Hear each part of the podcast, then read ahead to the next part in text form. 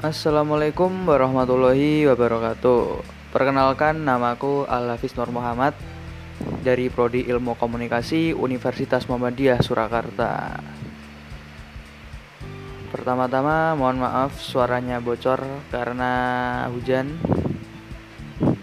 Lanjut. Podcast kali ini aku mau nge-review buku tentang manajemen media penyiaran televisi yang ditulis oleh Pak Fajar Junaidi. Lanjut. Gimana sih perkembangan media penyiaran di Indonesia? Perkembangan media penyiaran di Indonesia mengalami lonjakan pesat pasca reformasi tahun 1998. Sistem politik yang sebelumnya otoriter di masa Orde Baru berganti dengan sistem politik yang lebih demokratis, membuka kesempatan bagi berkembangnya media penyiaran di Indonesia.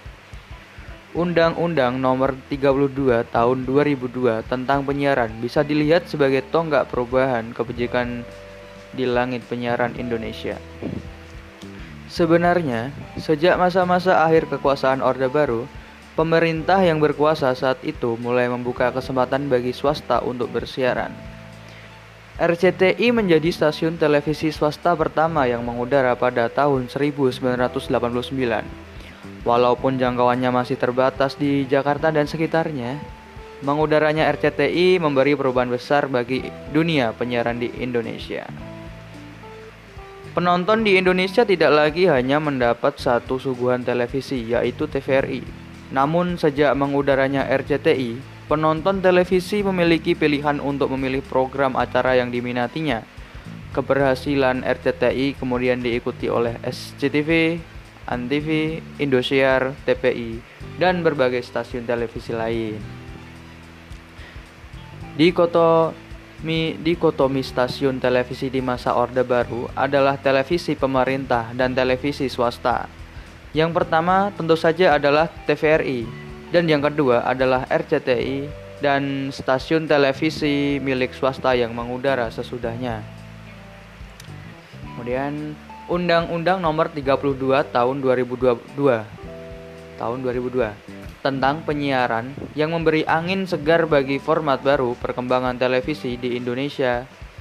Jika sebelumnya dikotomi stasiun televisi adalah stasiun televisi pemerintah dan stasiun televisi swasta.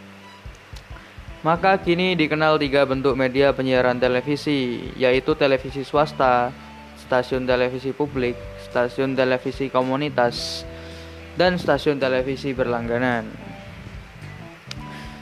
Persaingan bisnis dalam dunia penyiaran pun semakin ketat, baik di radio dan televisi.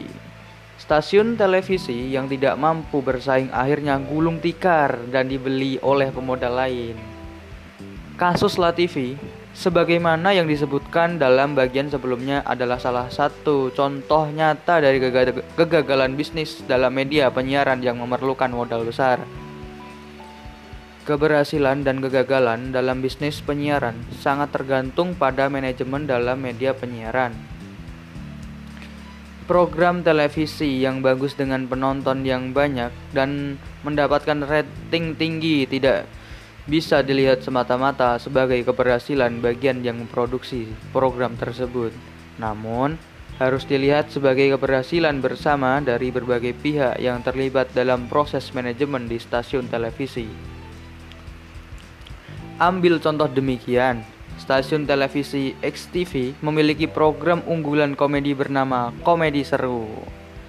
Acara komedi seru ini mendapatkan rating yang tinggi karena divisi kreatif yang berhasil mengemas acara komedi seru secara berbeda dengan acara-acara komedi lain di stasiun televisi lain.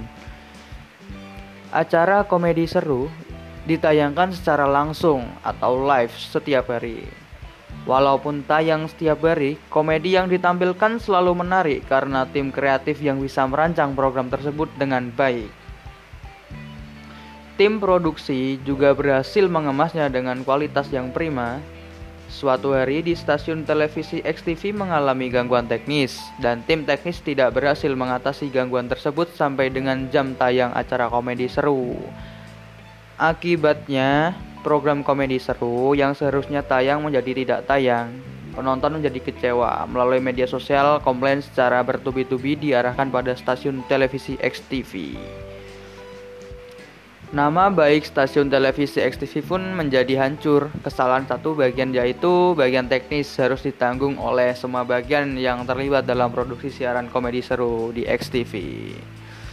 Ya, contoh di atas memperlihatkan bagaimana dalam produksi siaran televisi perlu ada manajemen yang baik antar berbagai bagian. Berbeda dengan media cetak di mana tekanan tertinggi dalam proses produksi media cetak terjadi pada menjelang deadline. Di stasiun televisi deadline terjadi setiap saat. Nah, sekian podcast dari saya Al Hafiz Nur Muhammad. Mohon maaf apabila saya ada salah kata. Terima kasih. Assalamualaikum warahmatullahi wabarakatuh.